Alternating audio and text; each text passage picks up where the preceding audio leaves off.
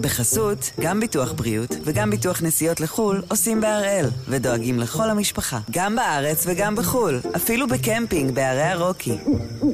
כן, גם שם, כפוף לתנאי הפוליסה וסייגיה ולהנחיות החיתום של החברה. היום יום רביעי, 14 ביולי, ואנחנו אחד ביום, מבית N12.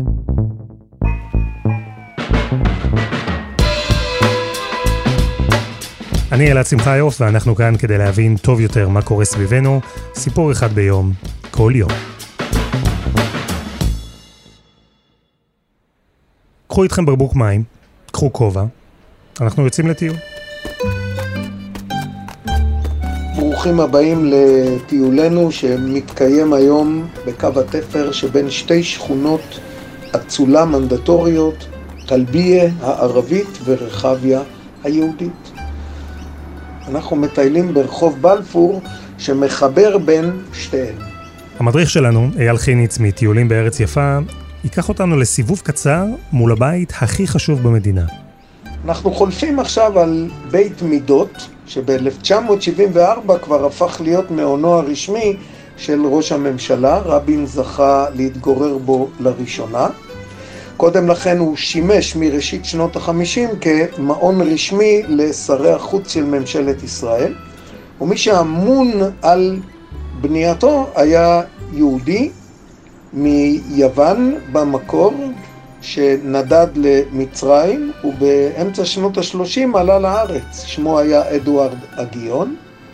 הבית, כאמור, עם השנים הצמיח חומות, כיאה למעמדו, והפך להיות מנותק יותר ויותר מהציבור של המטיילים שנאלצו להיפרד מיופיו המקורי שעוד זכור למתי מעט מהימים ההם.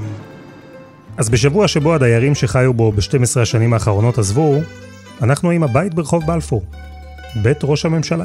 זהו סיפורנו להיום.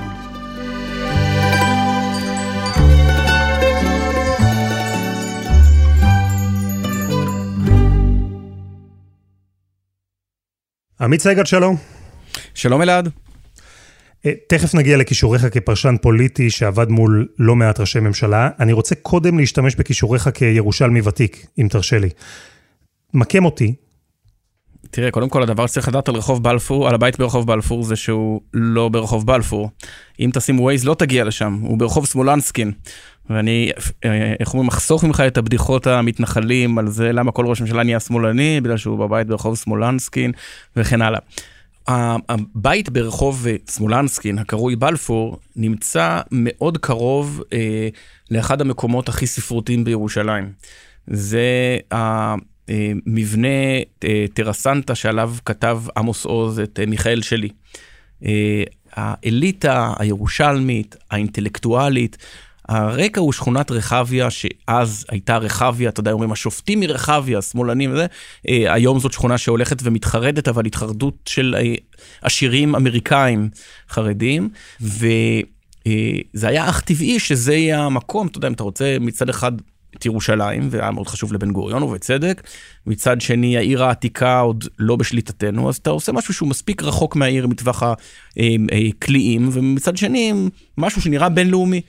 שכונת רחביה בירושלים היא אה, שכונת יוקרה שנבנתה ככזו, שכונת גנים.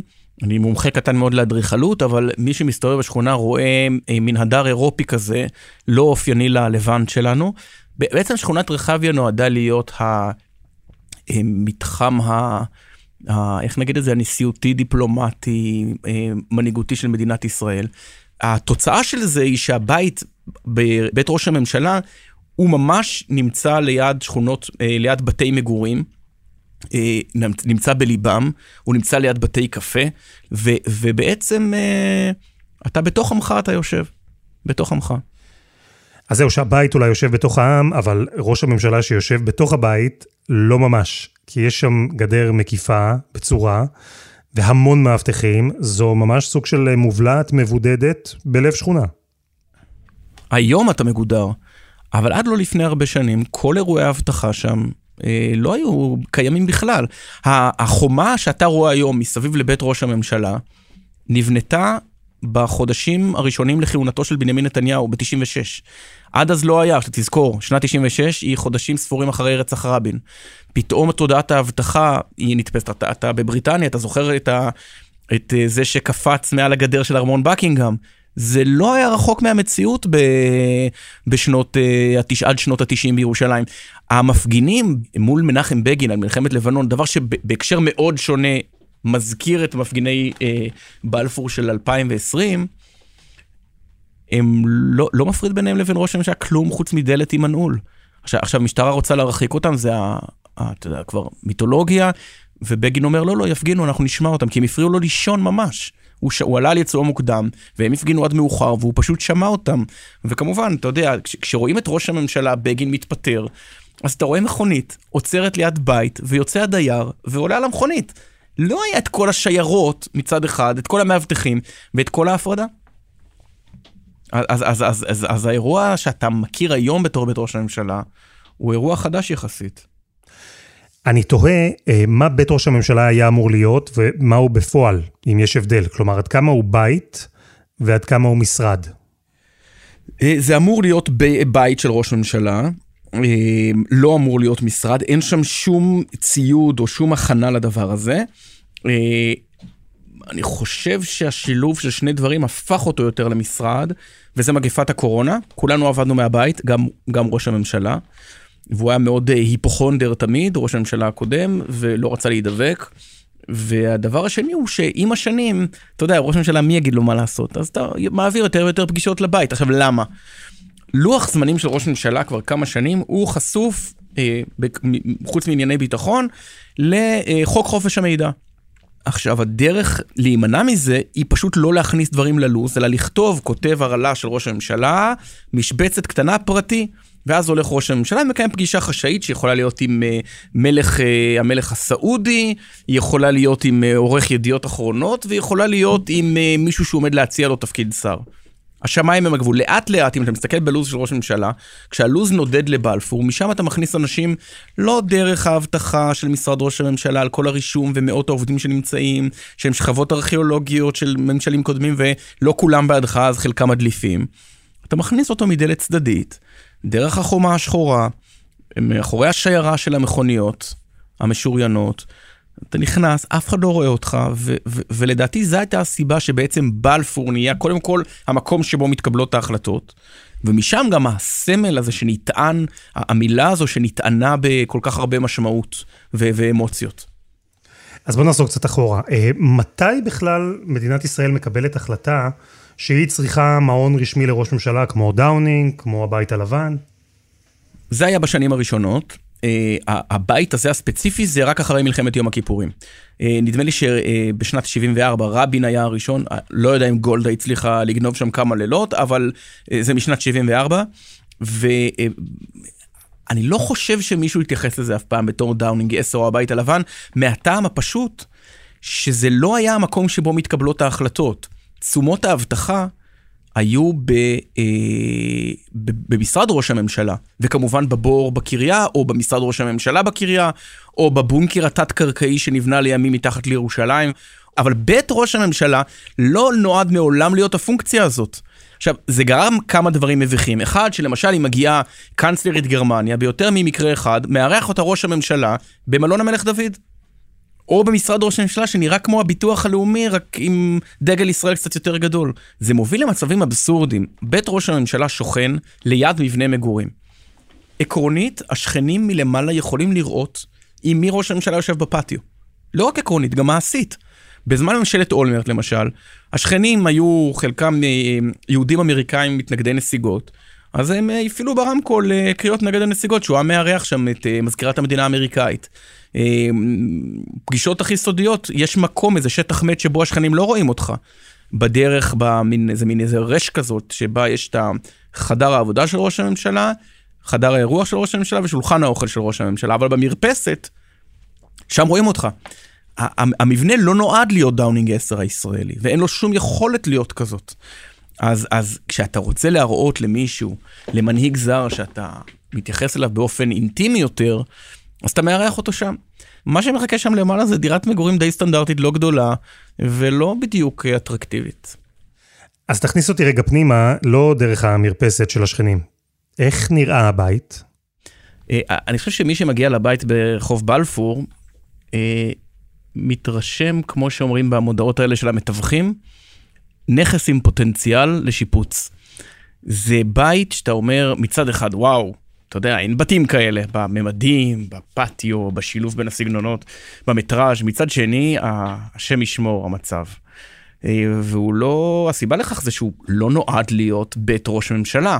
איש לא חשב כשהוא בנה את הבית הזה, נדמה לי בשנות ה-30 שהוא יאכלס ראש ממשלה, אה, הוא קצת מזכיר את מדינת ישראל. אה, קיבלנו אותו מהבריטים, או נגיד מהתקופה הבריטית, והוספנו סגירות לא חוקיות, קצת פרזולים, ואתה יודע, צריך, צריך רמונט משמעותי. היום נפלה בחלקי ההזדמנות להיכנס לבית הכי מעניין שיש, בית ראש הממשלה ורעייתו. אז זה הסלון. כן, זה הסלון. סליחה על השאלה, אבל מה זה הסלון הזה? הוא, הוא סובל מאותה בעיה של הבית. את נכנסת בהתחלה זה נראה לך מרשים הספרייה, עכשיו אני קולט שהיא גם משנות החמישים. ממש ממש. וכבר קופצים לי המזגן שתלוי לא קשור. אפשר להגיד שהדלת לא כן. נפתחת בקלות לחדר, אבל צריכה עזרה. זה קשה לפעמים, בדיוק, לפעמים הדלתות ככה קצת חורקות. זה נראה לא אמיתי. זה נראה זה נראה לא אמיתי, זה נראה מטבח של פנימייה ברומניה בשנת 1954. אה, אני לא חשבתי שנגיע למושי גלאמין כל כך מוקדם בשיחה שלנו, כלומר, יש ממש בסרטון ההוא. הבית הזה לא יכול להיות בית השרד של ראש ממשלת ישראל. מושי גלאמין צדק, והוא צדק גם, גם הוא היה מגיע לשם בזמן ממשלת אולמרט. אם היית הולך עכשיו לביקור בדירת השרד של נשיא המדינה, ששופצה מאוד בזמן הנשיא פרס, והולך לבית, ב, אה, ב, ל, ל, ל, למקום, למתחם בתוך בלפור, שבו מתגורר ראש ממשלת ישראל, היית חושב שזה מגורי המשרתים. אה, רהיטים ישנים, שטיחים מתפוררים, בית הנשיא הוא משהו הרבה יותר מרשים ואיפוק ירושלמי כזה, מה, שיש, כאילו, מה שישראל רוצה להיות, כמו שטקס הדלקת המשואות כזה, זה ישראל, כמו שהיינו מדמיינים אותה, אז זה בית הנשיא. אה, לפחות אגפי המגורים שלו. בית ראש הממשלה זה מה שישראל באמת. ואחד הדברים שצריך לדעת על בית ראש הממשלה זה שמבחינת ביטחון מידע, הבית הזה לא ערוך. כשאתה, כש, כשנבנתה למשל אה, המבנה של משרד הביטחון, המגדל של משרד הביטחון ושל צה"ל, אז אתה יודע, יש קבלנים מאושרים למשרד הביטחון, כדי שאף אחד לא יתקין ציוד האזנה. פה מדובר בבית משנות, אה, משנות ה-30 של המאה שעברה, אז למשל הטלפון של ראש הממשלה הוא טלפון זמיר. אתה זוכר את זה? זה, זה האלה עם הלולאה הזאת שתמיד מסתבכת, מפלסטיק, כי לפלסטיק אי אפשר לחדור מודיעינית, כאילו, אתה סייברית, הוא פלסטיק. אני חושב שאנשים ידהמו לדעת כמה לואו-טקי הכל. אז אתה יושב שם במין איזה חדר עבודה, יש שם טלוויזיה קצת ישנה, וספרים, ומונחת שם מעטפה עם הכמוסים שבסודות של מדינת ישראל. אתה יושב באיזה חדר עבודה ירושלמי, ו... וזהו, וזה, זה, זה, זו השררה תוצרת ישראל. יש, אה, יש הנאות גדולות בחיים מבחינת אה, אה, נהנתנות מאשר, מאשר לגור בבית הזה. למה זה ככה? זה נובע משתי מחלות. המחלה הישראלית הראשונה זה האלתור. אני, כשראיתי את דונלד טראמפ ומלניה צועדים שם, המחשבה הראשונה שהייתה רק שהראש של מלניה לא ייתקע במשקוף, כי אני יודע כמה הוא נמוך. אתה יודע, השילוב של ההבטחה, טבעת ההבטחה הדוקה, של הנטייה הישראלית לסגור מרפסות וכל מיני פתרונות של כתר פלסטיק. אתה יודע, ביתן השירותים בכניסה, והזה של איפה שאתה מפקיד את הטלפון, והכיסאות הלא כל כך אלגנטיים. זה, אז, אז זאת הבעיה הראשונה. הבעיה השנייה זה כמובן הפחד מדעת הקהל. עכשיו, אני אומר את זה במנותק מהדיירים אמ, הקודמים בבלפור.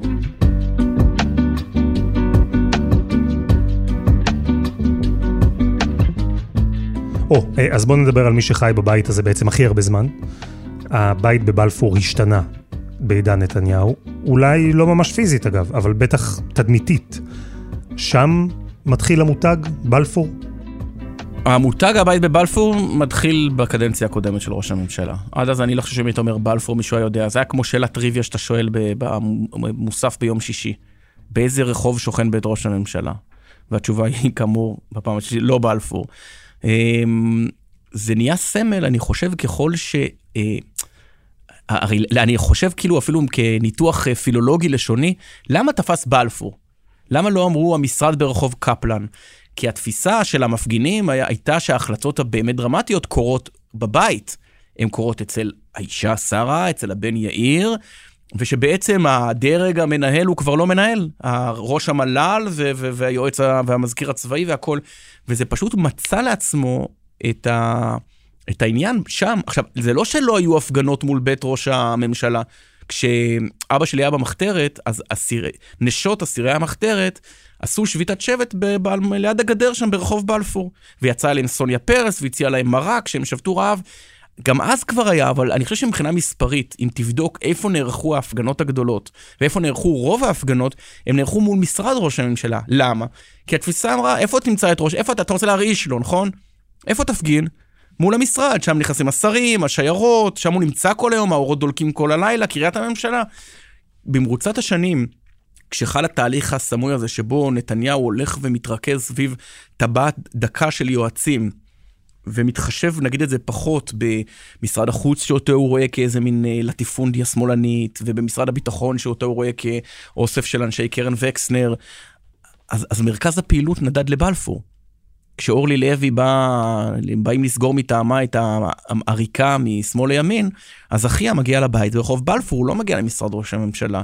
אה, שליחים, פגישות, שריונים, החלטות דרמטיות, מרתונים, כולם קורים שם, והמפגינים, אולי אפילו בלי להסביר את זה לעצמם, העתיקו את המוקד פעילות שלהם לשם.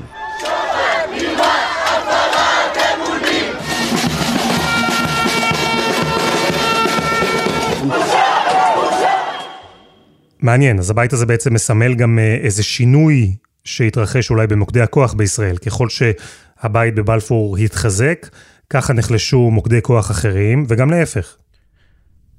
תראה, כבר בזמן גולדה דיברו על המטבחון של גולדה, ש, שזה בעצם, אם תחשוב, זה בלפוריזציה של, של ראש הממשלה ההיא, שבעצם אמרו, ההחלטות מתקבלות שם, הן לא מתקבלות באיזה פורום סדור, אתה יודע, כמו שאתה רואה בסדרות האמריקאיות, שזה מגיע מה-National Security Team ליועץ על זה, ומכאן לקבינט, ואז הנשיא בא וחותם אה, אה, מהחדר הסגלגל.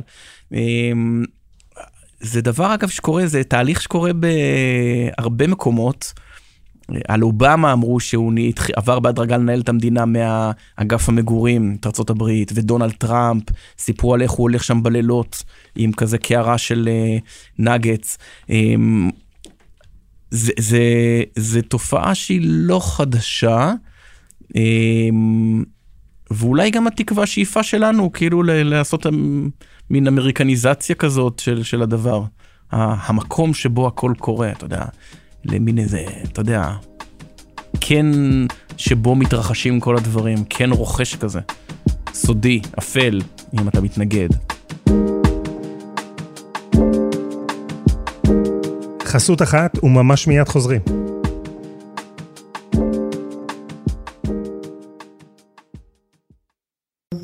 בחסות, גם ביטוח בריאות וגם ביטוח נסיעות לחו"ל עושים בהראל, ודואגים לכל המשפחה, גם בארץ וגם בחו"ל, אפילו בקמפינג בערי הרוקי. כן, גם שם, כפוף לתנאי הפוליסה וסייגיה ולהנחיות החיתום של החברה. עמית סגל, אנחנו מדברים על בית ראש הממשלה, הבית ברחוב בלפור, היום אה, אפילו מספיק להגיד רק בלפור. ואני רוצה לדבר איתך על גבול שנדמה שהלך והיטשטש, אולי גם זה קרה בתקופה הארוכה שנתניהו גר בבית. וזה הגבול שבין הציבורי לפרטי. זה מצד אחד מעון רשמי של נושא המשרה הבכיר ביותר במדינה, אבל מהצד השני זה בית. אה, ראש הממשלה, משפחתו, הם חיים שם. והקשר הזה גרם לא פעם לבעיות. אה, נכון, עכשיו תראה, אתה קורא בביוגרפיה של ברק אובמה שהם שילמו על כל ארוחה מכיסם, יש איזה מין חשבון כזה ומנקים אה, את הניירות טואלט ואת ניקיון צלחות ואת הזה. במדינת ישראל הייתה איזו תפיסה שאמרה, מה זה מגיע ראש ממשלה, מגיע בשתי ה-12 בלילה, אז אתה יודע, אז ניתן לו את, ה, את הדבר הזה, אבל, אבל התקציב לזה במרוצת השנים היה די זעום, אני זוכר תמונה מאוד חזקה של יורם טורבוביץ', מתלונן מרה לקראת הארוחה עם קונדוליסה רייס או אנגלה מרקל, למה היין הוא כל כך זול? כי אתה מארח בני, אתה יודע, אורחים מחו"ל, אתה לא יכול להיות עם התקן של, אה, לפי אש של עובדי שירות המדינה, פלוס 17 שקלים ותוספת אה, אה, מהשביתה של 2007. ו, ונתניהו בזמנו היה, היו מתלוננים למשפחתו שהוא מגיע ב-12 בלילה ואין מי שיעשה לו חביתה. נוצר מן איזה שילוב לא בריא שמצד אחד באמת התנאים שראש הממשלה עובד בהם ונראה לי שיותר נוח להגיד את זה כשכבר התחלף ראש הממשלה, זה לא הכל צבוע בצבעים, הם, הם תנאים מחפירים. ואז מצד שני, נוצר לך כל הזמן פיתוי כזה ל... לשדרג את האירוע, כי זה באמת על הפנים. ואז כל דבר הופך לאיזה שעוריה וסקנדל, והדברים האלה לא לובנו עד תום. מדינת ישראל בשנתה ה-73 עוד לא יודעת להתמודד עם שררה. היא לא יודעת, היא לא יודעת לה, לה, לה, להגדיר מה זה תקן ה... לא רוצה להגיד אצולה, כי, כי זה פה דרג נבחר.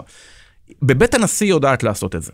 נשיא המדינה, יש לו מבשלות, הוא הולך לאכול ארוחת צהריים, מוזגים יין, יש מנה ראשונה, מנה שנייה, מנה עיקרית, יש דירת שרד, יש את כל הדברים האלה, הכל מאוד מובנה. במשרד ראש הממשלה, זה לא קורה.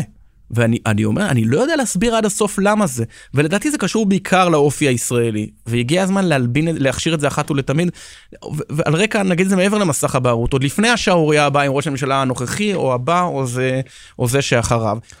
אה, לא בכל העולם זה עובד ככה, נכון? כלומר, יש חוקי מימון מאוד ברורים, יש הפרדה ברורה בין הציבורי לבין הפרטי, אה, הפרדה וסדר שאם הם היו פה, אולי היו אה, מונעים שערוריות, כמו שכבר ראינו, החל מגלידה פיסטוק ועד אה, הוצאות אחרות, אפילו במעון הפרטי.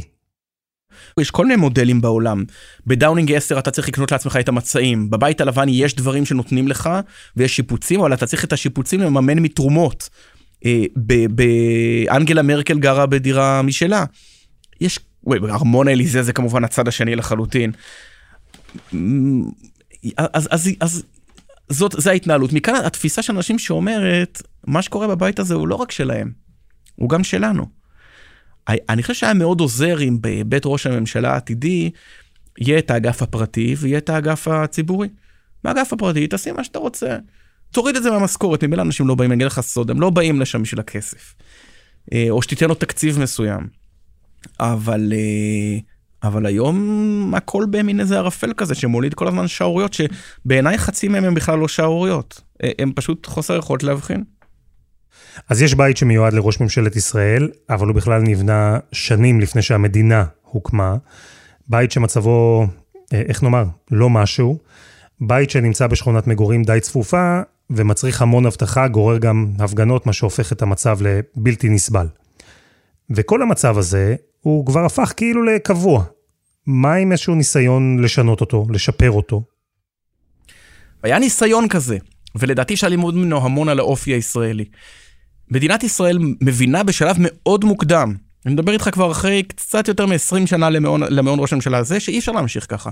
זה קורה אחרי רצח רבין, הרבה מאוד אבטחה, פתאום זה נהיה נטל מאוד מכביד, גם על היחידה לאבטחת 90. רק התקציב של השיירות שנוסעות כל יום, בית, משרד, משרד, בית, והטרדה וכולי, אומרים נבנה את הבית הלבן הישראלי. ומי שמתחיל לתכנן את זה, יש המון תכנונים, זה מגיע להבשלה בזמן ממשלת אולמרט, ומתחילים כבר לחפור את הפיר הזה, שאת ה, שלא, שאת היסודות. ו... אגב, מעליו שוכן מלון עם המון המון תיירים, אז הם יכולים לעקוב בעניין, אתה יודע, סוד כמוס, כל התוכניות, בגוגל מפס אי אפשר לראות את זה, אבל כל תייר יכול לזכור חדר בקראון פלאזה, והיום ורט, ולהסתכל ולראות את הכל. אה, זה. ואז בנימין נתניהו, בקמפיין הבחירות של 2009, אומר, זה בזבוז נורא, 650 מיליון שקל, אני אבטל את זה. להקצות 650 מיליון שקל בעת הזאת לבניין חדש של משרד ראש הממשלה. זו החלטה ראשונה שאני אבטל. וכולם מריעים כפיים לאמירה הפופוליסטית הזאת. וזה מה שהוא עושה בישיבה הראשונה. ואז שוכן שם פיל לבן. אחרי חמש שנים נתניהו מגיע למסקנה שהוא הולך להיות פה, לשלוט פה עוד הרבה שנים, והוא מחליט לחדש את האירוע. ואז מושקע עוד כסף, בגלל מרחק הבלימה הזה. כי, ש, ש, כי הפופוליזם לא עזר לאף אחד, לא למאבטחים, לא לנתניהו, לא לשכנים, לא למעמד של המדינה. ואז מסתבר, דבר מצער, ששכחו לעדכן, השב"כ שכח לעדכן את, אה, אה, פרנסי העיר ירושלים, שלא כדאי שתחנת הרכבת הקלה תעצור ממש בפתח משרד ראש הממשלה משיקולי אבטחה, וכל העבודות שנעשו שם, הם אה, ירדו לטמיון. אז מדינת ישראל מגיעה לשנתה ה-74, כשיש לה אה, בית אחד של ראש ממשלה שלא מתאים לראש ממשלה, יש לה הכנה לבית ראש ממשלה שלא יוכל לעולם להיות שם בית ראש ממשלה, יש בור ענק במיקום ששווה מאות מיליונים במרכז ירושלים, אה, ואתה לא יודע מה יהיה בעתיד. מה זה? מה זה הדבר הזה? זה, זה כאילו מדינת ישראל מחליטה להיראות כמו שטטל, אבל כאילו על מלא, ועל הדרך מוציאה מיליארדי מיליארדי שקלים. ואתה באופן אישי אה, היית שם בבלפור לא פעם עם יותר מראש ממשלה אחד. מה ההתרשמות שלך? הייתי שם בפגישות ובשיחות רקע, אה, ואני אגיד לך מה, זה כמעט קלישאתי, זה ממש בדידותו של המנהיג. מי, מי יושב בבית הזה? תראה, כל ראשי הממשלה כמעט תיעבו את הבית הזה. אה, שרון נמלט משם לחוות שקמים כי הוא שנא את הבית הקר והקודר, שבו בעצם אתה גר עם, בעצם עם מאבטחים בני 25. במיוחד אם אתה אלמן, שילדיך כבר hey, לא גרים איתך באותה יחידת מגורים. ובמובן מסוים כמעט טרגי, זה מה שהרג את שרון. כי הוא ברח לחווה. אם הוא היה בירושלים, אם הוא היה בבית ראש הממשלה והיו מאבחנים את האירוע, אולי הוא היה מגיע בזמן. ואתה, אה, ובנימין נתניהו, שגם הוא לא מת על הבית הזה. זה מצחיק להגיד את זה אחרי שההעברה כבר חודש. הוא העדיף את קיסריה. הוא, אז, אז הוא יושב בבית בקיסריה שהוא קנה במהלך אה, השנים האחרונות. הבית הזה לא עורר חיבה גדולה אצל אף אחד מדייריו. רבין היה נמלט אה, מהר ככל שהוא יכול לדירה שלו ברמת אביב. אמ, שהייתה מאותרת ביצירות אומנות ישראלית, והבית שאליה עיצבה. אה, אהוד ברק לא אכפת לו בכלל היה ב-99 לחכות כמעט חודשיים עד שהזוג נתניהו יפנה את הדירה. וגם נתניהו עצמו, אני לא יודע אם אתה זוכר, אבל המשיך לגור בבית אחר במשך חודשים ארוכים בכהונה שלו ב-96, כי בדיוק הבית הזה עבר שיפוצים. אמ, לא ניכר שמבחינה נדל"נית מישהו מהדיירים שלו נקשר אליו במיוחד. ובכל זאת, עמית, אנחנו uh, מדברים בשבוע שבו משפחת נתניהו, שגרה בבית הזה 12 שנה, uh, אז השבוע היא עזבה באישון לילה, אחרי שביקשה עוד זמן להישאר ולהתארגן. ואי אפשר להתעלם מהתחושה שבמקרה הזה הדיירים, כך לפחות נראה, כן נקשרו לבית מסיבה כזו או אחרת. היקשרות לבלפור היא לא בגלל התכונות האדריכליות של המבנה, ולא בגלל הפינוק הגדול, ולא בגלל אה, ארוחות הפאר שמוגשות שם, כי לרוב כאמור זה לא, אלא אה, בגלל הכוח שהוא משדר. ובשנים האחרונות, ככל שהממשלה נהייתה ממשלה של איש אחד, והאיש האחד הזה בטח פחות ופחות בדרג המקצועי, והעדיף לעבוד מהבית, גם בגלל הקורונה, גם בגלל דברים אחרים, אז בלפור הפך יותר ויותר לסמל. ואני חושד שהוא הפך לסמל קודם אצל מתנגדי נתניהו. ו- וזה נהפך למאבק. ההפגנות, המצור על בלפור, כל הדברים האלה, אז, אז בסוף גם מי שיושב בפנים אומר, אז, אז זאת האחוזה. אתה יודע, היו לא מעט אנשים שהסתובבו במדינה מהחודש האחרון, ומבחינתם המהפך לא הושלם, עד שהם יראו את משאית המובילים. הלוואי שהיינו גרים בבריטניה, שבה ב-6 בבוקר מגיעה משאית אחרי בחירות, ובלי כחל וסרק לוקח את הדברים שלך ואתה נוסע. אבל אנחנו יודעים שזה לא ככה במדינת ישראל. עכשיו זה אקט ריק, זה פשוט אקט ריק של, אה, של של אה, שלטון. השלטון נלקח ברגע שהמזוודה עם הקודים המסוימים עוברת לראש ממשלה חדש. אבל בלפור נהיה כזה סמל מבחוץ וגם בפנים, ש... שגם בתוך החומות שלו אנשים אמרו, אם אני פה אז, אז, אז, אז, אז זה אומר משהו.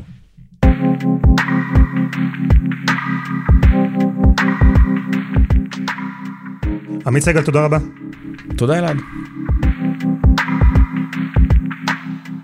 וזה היה אחד ביום, של N12. הפרק הזה, כמו כל הפרקים הקודמים שלנו, זמין ב-N12 ובכל אפליקציות הפודקאסטים. תוכלו למשל למצוא שם את הפרק על החפיפה של בנט, איך ראש ממשלה חדש בישראל בכלל לומד את התפקיד המורכב הזה. העורך שלנו הוא רום אטיק, בצוות דני נודלמן ועדי חצרוני, על הסאונד יאיר בשן, שגם יצר את מוזיקת הפתיחה שלנו, ואני אלעד שמחיוף. אנחנו נהיה כאן שוב, גם בשבוע הבא.